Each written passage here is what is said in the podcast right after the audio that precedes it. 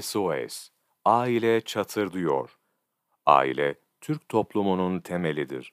Yeni Medeni Kanun ve 2005 yılında yürürlüğe giren Ceza Kanunu, ailede disiplinini sağlanamaz hale getirmiştir.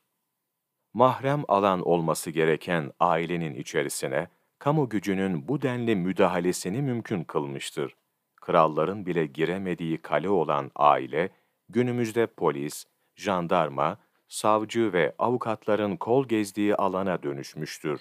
Eski medeni kanunda ailenin reisi kocadır ibaresi değiştirilerek, evlilik birliğini eşler beraber yönetirler hükmü getirilmiştir. Ailenin temsili de eşlere birlikte verilmiştir. Konut seçimi, aile içi tasarruflar, çocukların eğitim tercihleri, harcama ve her türlü karar ve işlemlerde büyük sorunlar yaşanmaktadır. Boşanmayla sonuçlanan yolların başlangıcı olmaktadır. Kadının ailenin reisi olması, iki başlı olmasından iyidir. Kaldı ki Avrupa uyum yasaları kapsamında tüm kanunlarımızda pozitif ayrımcılık ilkesi doğrultusunda yapılan değişikliklerle kadın fiilen ailenin reisi olmuştur. Aile mahkemelerinin dava dosyalarıyla savcılıklara yapılan müracaatlar incelendiğinde toplumumuzun temeli olan ailenin yıkılmaya başladığını söyleyebiliriz. İstatistiklere göre evlenme oranları azalmakta, boşanmalarda ciddi artışlar olmaktadır. Edinilmiş mallara katılma yasal rejimi, süresiz nafaka, tazminat, aile konutu ve kadın, aileyi koruma amacıyla çıkarılan ancak aksi sonuçlar doğuran 6284 sayılı yasa, boşanmayı kadınlar bakımından cazip hale getirmiştir.